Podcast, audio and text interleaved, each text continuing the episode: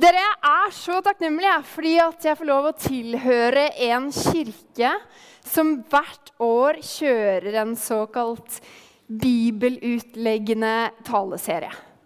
Anyone with me? Ja.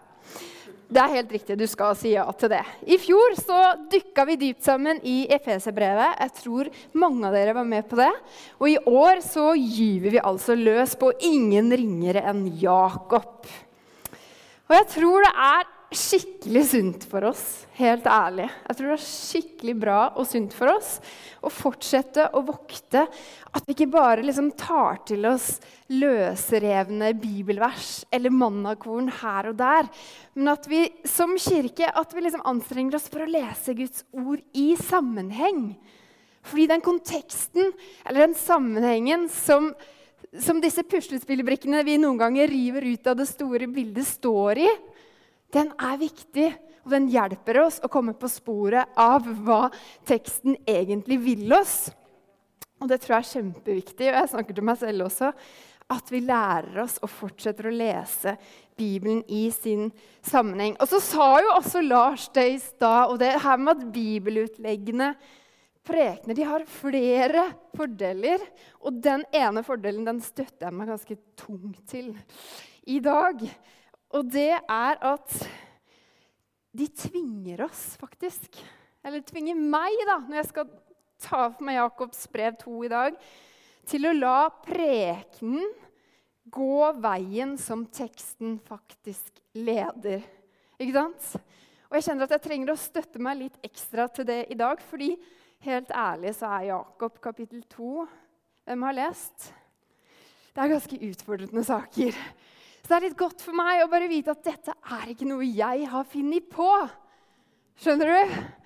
Eh, og det er litt sånn at vi jobber på den måten her, så er det sånn at det er tema som velger oss. Det er tema som velger meg, det er ikke jeg som velger tema. Så dere får skylde på Lars Kristian, skyld på Jakob, skyld på Gud. Gjør hva dere vil, men Herre, vi er her for å høre ditt ord. Og vi bøyer oss for ditt ord. Og vi lengter etter at du skal tale til oss gjennom ditt ord. Så kom, utfordre oss, kom og blås på oss, kom og disiplinere oss, kom og tal til oss, Herre. Vi er kommet for å se deg, vi er kommet for å høre deg. I Jesu navn. Amen. Jeg har med meg vannflaska. Jeg fikk litt sånn kred av Samuel for det. fordi de folk glemmer alltid det. Men jeg har den med i dag. Eh, Lars han fortalte jo sist Vi er jo fortsatt på Jakobs brev, som vi var sist. Og Jakob han er fortsatt lillebroren til Jesus, ikke sant? Han er fortsatt lederen for den eh, jødekristne menigheten i Jerusalem. That's right. Og Jakobs brev det er på en måte den arven vi har etter denne store lederen. Lillebroren til Jesus komprimert ned på bare fem sider med fem små kapitler.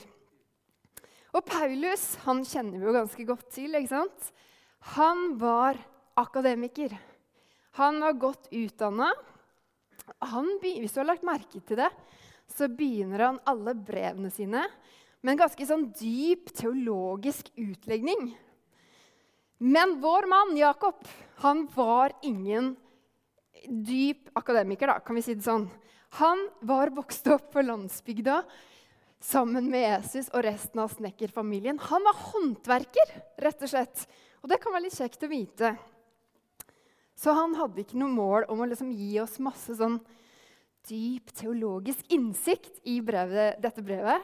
Han hadde et mål om å utfordre oss okay, på hvordan vi følger Jesus i praksis med livene våre. Så dette blir som det blir, folkens. Og så er han inspirert av to kilder. Det snakket Lars om, litt om sist. Han har jo vokst opp i en jødisk kontekst, ikke sant? så dette med ordspråkene det lyder som, en, som et litt sånn ekko gjennom hele Jakobs brev. Den jødiske visdomslitteraturen. Og så I tillegg, fordi han er lillebroren til Jesus og har vokst opp på gutterommet sammen med han, så har han også, hører vi også masse sånne Jesusord gjennom hele Jakobs brev. Og Det syns jeg er utrolig sterkt. Og bergprekenen, hvis du begynner å studere det litt nærmere, så kjenner du et ekko av Jesus sine ord i bergprekenen gjennom hele Jakobs brev. Ok, så da har vi sagt det. Jakobs brev er utfordrende, folkens, men man kan velge å lese det litt sånn at man ser for seg at Jakob står og liksom kjefter og liksom Nå må dere høre her, folkens! Nå må dere vokse opp, liksom. Men jeg tror egentlig ikke at det er det han vil. Han er jo litt nidkjær, ikke sant? Han, han har noe på hjertet, og han vil utfordre oss, men jeg tror han gjør det med et smil. Jeg tror han gjør det med nidkjærhet, men han peker mot himmelen og smiler og sier bare sånn Kom igjen, folkens. Dette er den veien som Gud vil at vi skal gå. Skal vi bare, skal vi bare si at vi leser han sånn? At vi ikke leser han mer vrangt enn det? For det er jo Jeg vet ikke om du har tenkt på det, det er kanskje litt upopulært å si, men det er jo en, faktisk en bibelsk tanke, dette her. At den du elsker den gir du også litt irettesettelse noen ganger. Har du tenkt på det? Altså Gud Beklager å måtte, å måtte si det, men Gud han er ikke en sånn moderne liksom, kompisforelder som liksom er sånn ettergivende i veldig stilen og er ute og ruller med bussen sammen med barna sine. Liksom. Gud er ikke sånn! Sorry to break it to you. Vet du hva? Gud, det er Max Lucado som har sagt det sånn her. Han elsker oss akkurat sånn som vi er. Punktum. Komma. Men han elsker oss så mye at han ikke kan la oss forbli sånn som vi er. Og derfor så noen ganger så irettesetter han og korrigerer han i kjærlighet. Og det er det vi kanskje må, kan være litt sånn forberedt på når vi dukker inn i Jakobs brev. Men skyld på Jakob og ikke på meg. Ok, ja. Har dere hørt om Gandhi? Ja, mange av dere har hørt om Gandhi. Han, var jo, han ble kalt for å være Indias far. Det var faktisk han som ledet løsrivelsesprosessen til India når de skulle løsrive seg fra Storbritannia. Ok, Dere har hørt om han? Og han hadde faktisk jeg vet ikke om dere har hørt det, men han hadde faktisk lest evangeliene. han. Og En av de tingene han ønsket å endre i det indiske systemet eller kulturen, det var det her med kastesystemet. Altså den måten, eller Hele samfunnet i India er jo bygd opp sånn at man deler hverandre inn i forskjellige kaster, alt ettersom faktisk hvor verdifull man er. Og det hadde han satt seg fore å endre på. Og når han leste evangeliene, så ble han så berørt.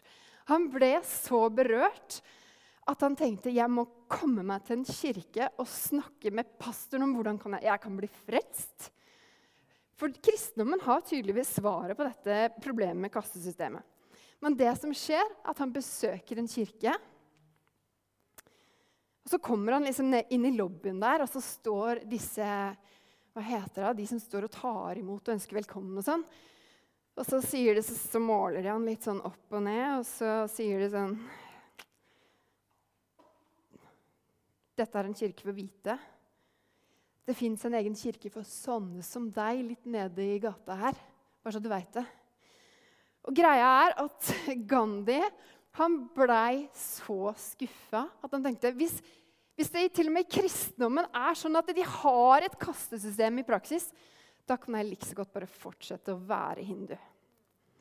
Og dessverre sånn endte den historien. Men la oss nå lese Jakob 2. Ta fram Bibelen din, du som har det. Len deg over skulderen. Det er ikke korona lenger, det er lov. Jakob 2, vers 1. Og vi leser eh, til og med ja, jeg leser bare. Dere henger på. Mine søsken, dere kan ikke tro på vår Herre Jesus Kristus, herlighetens Herre, og samtidig gjøre forskjell på folk. Au. Sett at det kommer to menn inn i forsamlingen deres. Den ene i staselige klær og med gullring på fingeren. Den andre fattig og i skitne klær. Så legger dere merke til ham med de staselige klærne og sier, 'Vær så god, her er en skikkelig god plass.' Men til den fattige, 'Du kan stå der.' Eller, 'Sett deg her ved føttene mine.' Har dere ikke da skapt et skille iblant dere? Er dere ikke blitt dommere med onde tanker?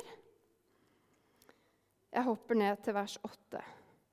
Dersom dere oppfyller den kongelige loven i Skriften, du skal elske din neste som deg selv, da gjør dere rett. Men dere gjør forskjell på folk, og da synder dere. Der fikk vi den, holdt jeg på å si. Der fikk jeg den i hvert fall. Altså Det Jakob gjør her, er at han avslører, han avdekker en sånn dyp menneskelig tendens som jeg tror vi alle i varierende grad har, til å gi favør eller vise favør til de menneskene rundt oss som kan gi oss fordeler, som kan gi oss noe tilbake, som kan få oss selv til å skinne litt ekstra, og neglisjere de som har behov.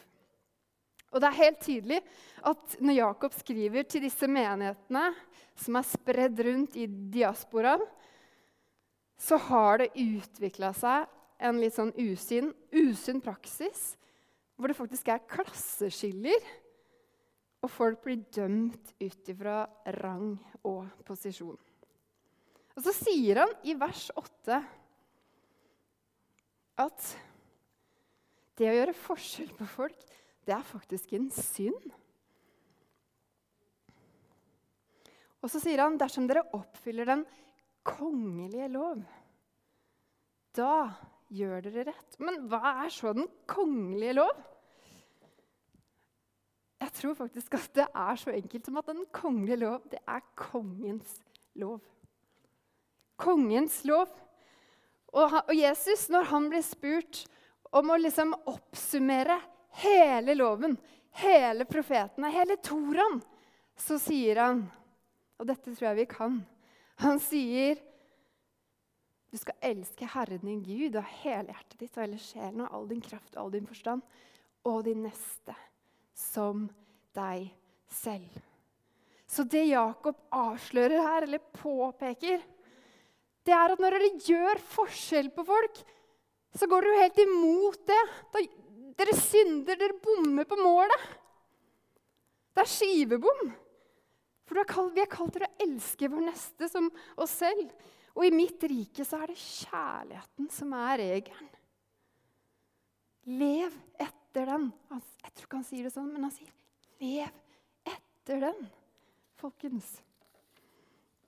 Og det som er så fantastisk med menigheten, få lov å tilhøre en menighet, det tror jeg flere enn meg kan skrive under på, er at uansett bakgrunn, uansett status, uansett økonomisk situasjon, uansett utseende, altså you name it, så er vi alle ett i Kristus.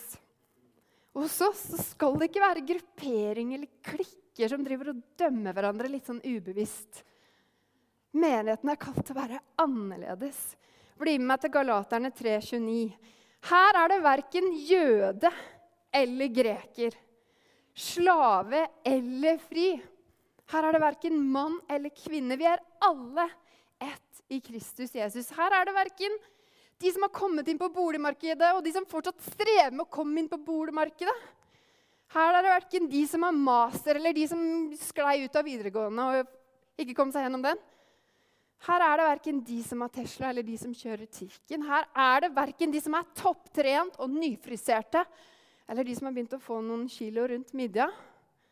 Her er det verken de som har gått tre år i Beffal, og de som ikke har gjort det. Her er det verken de som er advokater eller gründere eller leger, og de som går på Nav. Vi er alle ett i Kristus Jesus. Amen. Og det som er så unikt, det er ingenting, dere, som kan måle seg med menigheten i all sin skjønnhet. Det er ingenting, ingen politiske organisasjoner, Ingen interesseorganisasjon som er i nærheten av å ha det som vi, det som du og jeg, har her. Er ikke det fantastisk? Ingen som er i nærheten. Og vi er ikke kalt du, til å være like heller. Det er ikke sånn at Jakob sier at det er feil med han som går med gullringen. Vi er ikke kalt til å være like. Vi skal ikke være en sekt. Men det som er viktig, vi skal ikke forskjellsbehandle og dømme i hjertene våre. For tross alt så er det så enkelt at vi er alle Guds barn. Tygg litt på den. Det er så enkelt. Vi bærer alle sammen Guds bilde til denne verden. Alle sammen, no matter what. Det ble dårlig engelsk. Så har Jesus dødd for oss alle sammen, no matter what. Og det som skjer i Guds nærvær, vet du, det er at hjertene våre Vi kommer kanskje ikke inn og er, liksom, har alt på stell og elsker alle, og sånn, men i Guds nærvær så gjør han noe med hjertene våre. Så smelter han de harde hjertene våre. Og så bare kjenner jeg sånn Å, jeg er så glad i deg! Og det kommer ikke fra meg sjæl, for det er kobla på Den hellige ånd. Det er noe han gjør i oss når vi kommer sammen, sammen i enhet som kirke. Og dere, Vi henger på litt til. Nå har vi kommet halvveis i Jakob. Og nå kommer det som kan få meg lynsja og hengt. holdt jeg på å si. Nei da. Det er Jakob som sier dette, folkens. Det er Guds ord. Neste avsnitt har vært utrolig kontroversielt faktisk, gjennom hele kirkehistorien. Og det er det som har overskriften 'Tro og gjerninger'. Dere henger med? Ja. Altså, Da Bibelen ble samla, så var det mange folk som mente at Jakob kan ikke være med i Bibelen. Det er for raddis, liksom. Det passer ikke inn. Det var liksom masse kontroverser. Skal det få lov til å være med eller ikke? i det hele tatt? Og Luther han hadde, han hadde store problemer med Jakob. Han mente det var et strå, at det hadde ikke substans. liksom. Og jeg skal være ærlig og innrømme at når jeg var 13-14 år og møtte Gud for første gang, og jeg fikk sånn lyst til å lese Bibelen, og sånn, så syntes jeg alt var så fint. Så kom jeg til Jakobs brev, så bare What?! Hele mitt teologiske system bare raste sammen. liksom. Jeg bare, det her klarer jeg ikke å lese. Jeg tuller ikke. Det gikk mange år før jeg klarte å lese det igjen. Kanskje det var, kanskje det var noe gærent med undervisningen der jeg vokste opp. Jeg vet ikke, Men uansett, sånn var det i hvert fall. Så, men det er mange som har helt seriøst lurt på Går ikke det Jakob sier her, helt på tvers av det som er liksom kronjuvelen til Paulus? At vi, får, vi blir rettferdiggjort for Gud ved tro alene. Fordi Jakob han skriver her, vet du Hva hjelper det, søsken, om noen sier at han har tro, når han ikke har gjerninger? Kan vel troen frelse ham? Det er ja! Det er jo det jeg har lært at den kan! Hva er det du driver med? Du messer opp livet mitt, liksom. Det er kanskje ikke rart at dette brevet har fått kjørt seg opp gjennom historien. Og Ideelt sett så burde vi hatt en lang bibeltime nå eh, hvor vi kunne snakket om grunnen til at fordi, fordi, greia er at De er ikke så uenige som det kan virke som ved første øyekast. Og Det kunne vi snakket om lenge og gått ned i alle detaljene på. og det kan vi gjøre en annen gang når vi ikke har så dårlig tid. Men for å si det sagt de ser bare samme sak fra hver sin vinkel. Og de ser samme sak, men de utfyller hverandre. ok? Fordi Paulus han var jo hedningenes apostel. Han ble jo sendt til de som aldri hadde hørt før. Ikke sant? Og han snakker til nye kristne. Dere blir ikke rettferdiggjort ved å følge Moseloven og la dere omskjære. og sånn. Nei, dere blir rettferdige for Gud ved tro. Mens Jakob han snakker til jødekristne som alltid har trodd på Gud. Og han er bare så nidkjær vet du, for de som bare har det i topplokket. Og bare tar så innmari lettvint på det. Og, liksom, og så sitter det bare oppi skallen, så får du det ikke ned i hjertet og ikke ut i henda. Skjønner du hva jeg mener? Og det er der liksom, Jakobs nidkjærlighet kommer inn. Og så bruker de litt forskjellige de legger litt forskjellig i det med tro og sånn, men det kan vi gå, inn, gå innom en annen gang. Men helt enkelt Paulus han fokuserer på røttene til kristenlivet. Inngangsdøren. Det er troen alene, ikke sant? Du kan ikke legge noe til der. Du kan ikke liksom begynne å overbevise Gud med at du er så flink og greier. Og Jakob han fokuserer på frukten. Og hvis du ikke har noe frukt, sier han, da har du heller ikke noe røtter. Sett at en bror eller søster ikke har klær og mangler mat for dagen, og en av dere sier til dem, gå i fred, hold dere varme, spis dere mette. Hva hjelper det dersom dere ikke gir dem det kroppen trenger? Slik er det også med troen i seg selv. Uten gjerninger er den død. Slik er det i hvert fall med en skalletro som bare sitter her oppe. Uten ekte røtter så kommer det ikke noe frukt. vet du. Og det er det Jakob er så nidkjær for. Og det er mulig at dere husker han derre karen som sa til Gandhi at 'sorry, her er det bare hvite, du kan gå til en annen kirke'. Dere husker han? Det er mulig at han bare hadde en bad hair day. Og at neste gang det kom en inder, så var det sånn 'Å, så godt å se deg, bror.' Det er mulig. Altså, Ingen av oss er perfekte. Men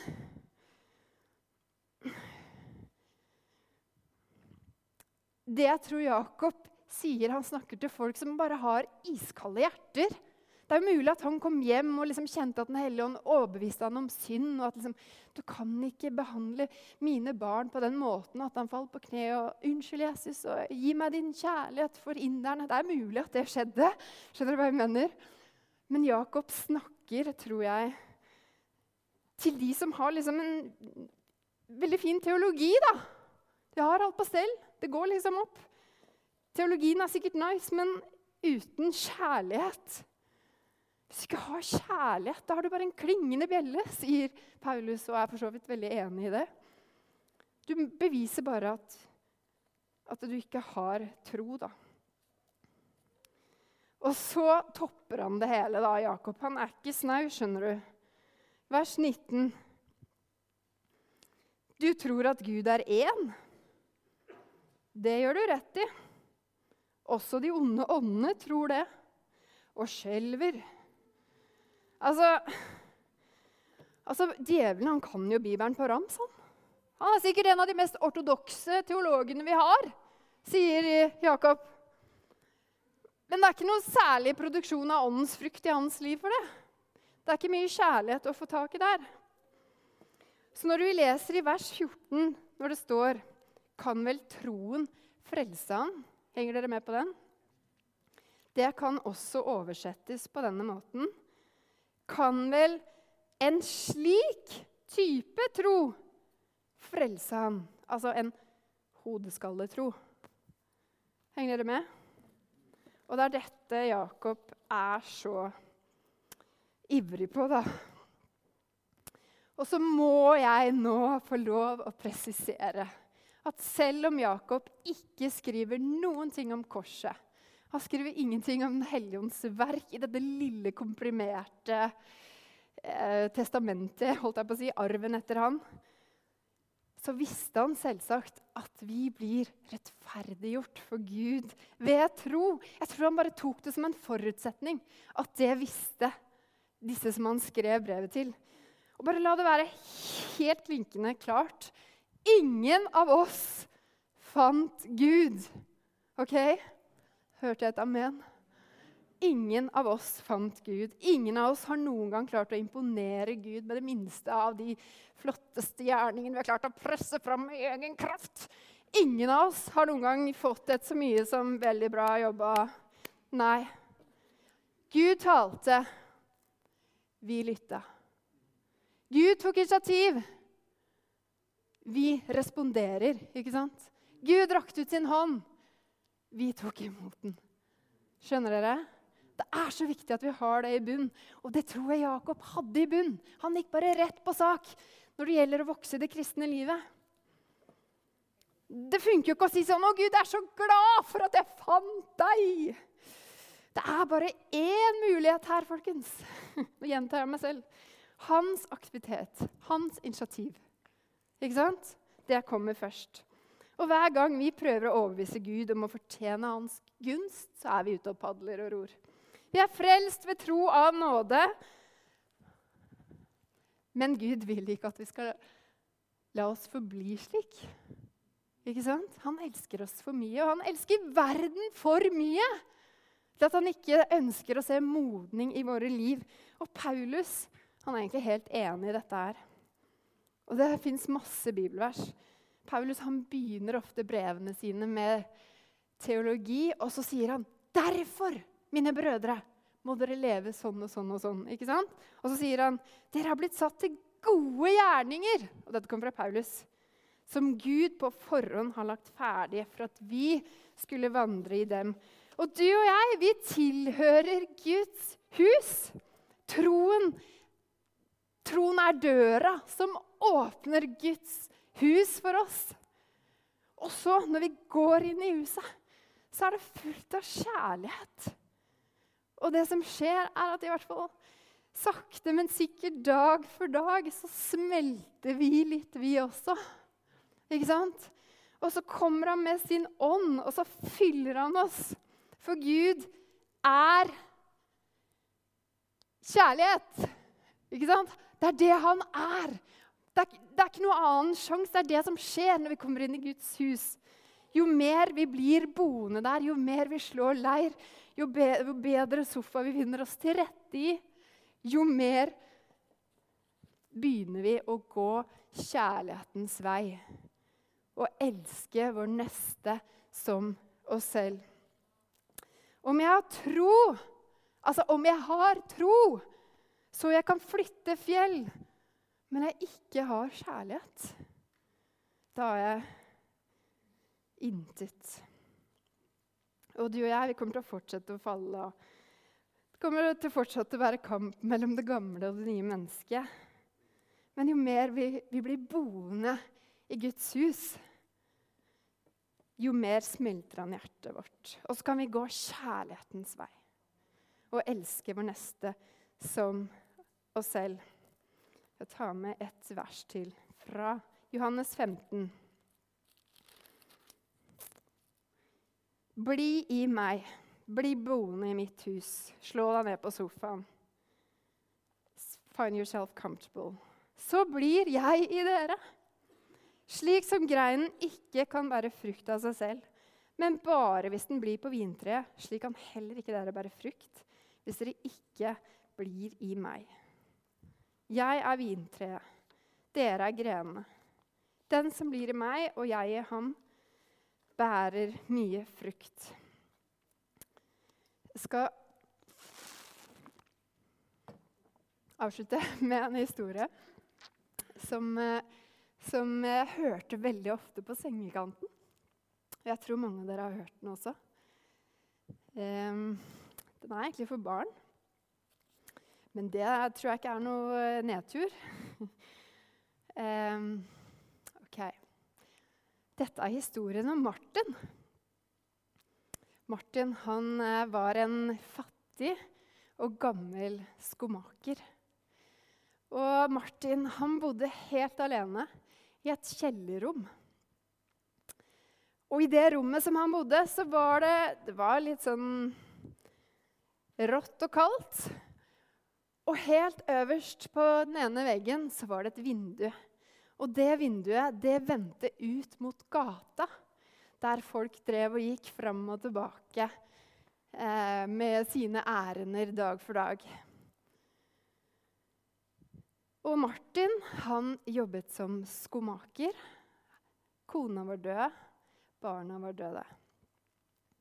Hver dag så arbeidet han så flittig som han bare kunne for å kunne klare å betale leien for dette kjellerrommet som han brukte som sitt uh, businesssted. på en måte. Eh, og han jobba hardt for å betale det det kosta å leie det, og han jobba hardt for å få nok til å kjøpe både klær og mat og litt brensel, sånn at han kunne holde seg varm. For dette, denne historien foregår på vinteren. Om kvelden, hver eneste kveld, så satt Martin foran peisen. Den eneste boka han eide. Den hadde han arva etter kona si Maria, som var død. Og han satt foran peisen Åh, etter en lang arbeidsdag Så, så leste han, vet du. Så leste han om Jesus som gikk rundt i Galilea og snakket med folk. Og så sa han til seg selv Om jeg bare kunne få se Jesus Da ville det blitt så mye lettere for meg å gjøre det som er rett. Da Martin la seg den samme kvelden, så hørte han Eller hørte han det? Jo, han hørte en stemme som sa jeg skal komme til deg i morgen, Martin. Hæ? Var det bare en drøm? Hæ? Vil du komme til meg? sier Martin. Men han hørte ikke noe lyd. Han fikk ikke noe svar. Hm. Det var vel bare en drøm, da, tenkte han. Men morgenen etter så tenkte han Kan det ha vært Herren som vil komme og besøke meg? Men han skjøv raskt de tankene fra, fra, seg. Selvfølgelig var det bare en drøm. Han sto opp, han laga te sånn som han pleide å gjøre hver morgen. Det var tidlig om morgenen, Og så plutselig så hørte han lyden av at det trampa ute på fortauet. Og han kikka ut gjennom vinduet, de smale stripene på vinduet. Da fikk han øye på noen føtter. Og så skjønte han at det var en gammel mann som var ute og brøyta snø. Og Martin skjønte med en gang at denne mannen var gjennomfrossen. Han var gammel krok, sto krokbøyd over denne her, eh, ja, skuffa med snø.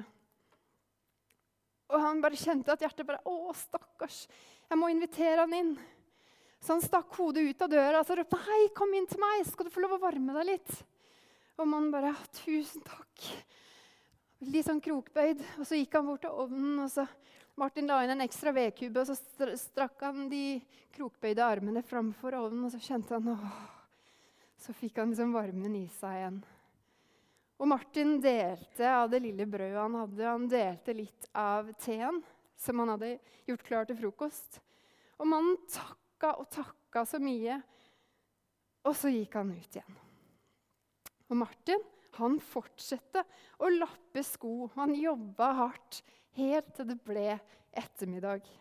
Og da hørte han, hørte han barnegråt. Han kikka ut gjennom vinduet igjen, og der ser han en kone eller en dame. Veldig sånn tynt kledd. Og bak henne så ser han at det går et lite barn og gråter. Og det, barnet har jo nesten ikke noe filler igjen til sko. Skoene var bare helt ødelagte. Kom inn! Hjertet hans bare Å, stakkars. Kom inn, dere. Kom inn. Jeg ser at dere fryser. Bare sett dere her foran varmen. Og kona, tusen takk. Du skjønner, jeg er soldat, nei, mannen min er soldat. Og nå har han blitt forflytta til en annen by. Men vi har ikke penger til å ta toget dit, så vi er nødt til å gå.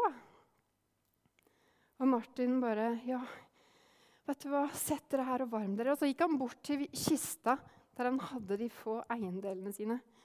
Så åpna han opp kista, og så fant han et sjal som hadde vært Maria, Maria sitt. Altså kona hans sitt. Og så tenkte han sånn Maria ville at hun skulle hatt dette sjalet. Og så legger han forsiktig dette sjalet rundt de tynne skuldrene til denne dama. Og dama bare 'Tusen takk. Tusen takk.' Og så kommer han på at han har en ting til oppi hennes kista si. Og så henter han to, et par sko som han egentlig hadde laget til sønnen sin som døde. Så tenker han dere to er jo cirka lik størrelse. Og så begynner han å lappe litt og fikse litt på de skoa, og så gir han det til, til han lille gutten. Og han gutten bare Tusen takk! Han blir helt henrykt. Nå slipper jeg å fryse lenger. Tusen, tusen takk, Martin. Og Martin kjente han ble så glad, og så sier han her er litt mer brød, her er litt mer te. Og når de gikk ut av huset, så kjente han at hjertet var så lett, for de smilte og var så takknemlige. Og Martin han fortsatte å lappe sko. Han hadde regninger han skulle betale, så han jobba som en gæren helt til det ble mørkt. Jeg skulle akkurat til å lage kveldsmat. Så hørte han lyder igjen. Denne gangen var det noen hissige stemmer. Han stakk hodet ut av døra, og så så han Oi! Det var en gutt som løp som en gæren med et eple i hånda. Og så så han eplekona, som hadde en bod rett rundt hjørnet der, som kom bak gutten. 'Stans i lovens navn!' Men gutten løp. 'Ja, da må du ta meg!' 'Ikke ta meg, for jeg er så liten.' eller et eller annet sånt. Det var et annet eventyr. Uh, og så og, Martin kjente igjen at hjertet hans ble knust. Og så åpner han døra og sier jeg ser dere, kom inn til meg! Kom inn til meg! Og på en eller annen merkelig måte så får han altså denne eplekona til å komme inn sammen med denne gutten som er blitt tatt på fersken i stjeling. Og på en eller annen måte så, så ender det med at disse to i møte med det varme hjertet hans klarer å liksom si 'Unnskyld', sier han gutten, for at jeg stjal. Jeg var bare så innmari sulten. skjønner du. Og eplekona sier ja, hadde jeg bare visst at du var så sulten, så burde jeg egentlig ha gitt det til deg. Jeg beklager. Og så lover denne gutten Martin at han aldri skal stjele mer. Da eplekona og den gutten hadde gått, så satte Martin seg på nytt borte ved varmen. Han la inn en ekstra vedkubbe, og så fortsatte han å lese om Jesus som gikk rundt og snakket med folk i Galilea. Og så tenkte han om bare Jesus ville ha snakket med meg, da ville det vært så mye lettere for meg å gjøre det rette. Plutselig kommer det sånn lite lysskjær i rommet. Og så hører han en mild stemme som sier Jeg har vært hos deg i dag, Martin. Hva? Martin skvetter til og reiser seg opp. 'Hæ? Når var du hos meg?' 'Unnskyld, jeg, jeg har vært så opptatt med alt mulig.' 'Jeg, jeg, jeg, jeg har ikke, ikke merka at du har vært her.' 'Jeg var hos deg i morges med den gamle mannen som måkte snø.' Husker du ikke? 'Jeg var hos deg ved middagstid med moren og barnet som fikk nye sko.' Jeg var hos deg i kveld med kvinnen og gutten. For jeg var sulten, og du delte det lille du hadde med meg. Jeg frøs, og du lunet meg med klær, varmet av din kjærlighet. Det du gjorde for disse, Martin, det gjorde du også for meg.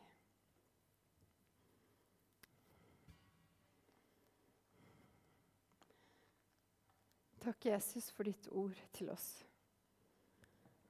Takk at du taler til oss, Herre.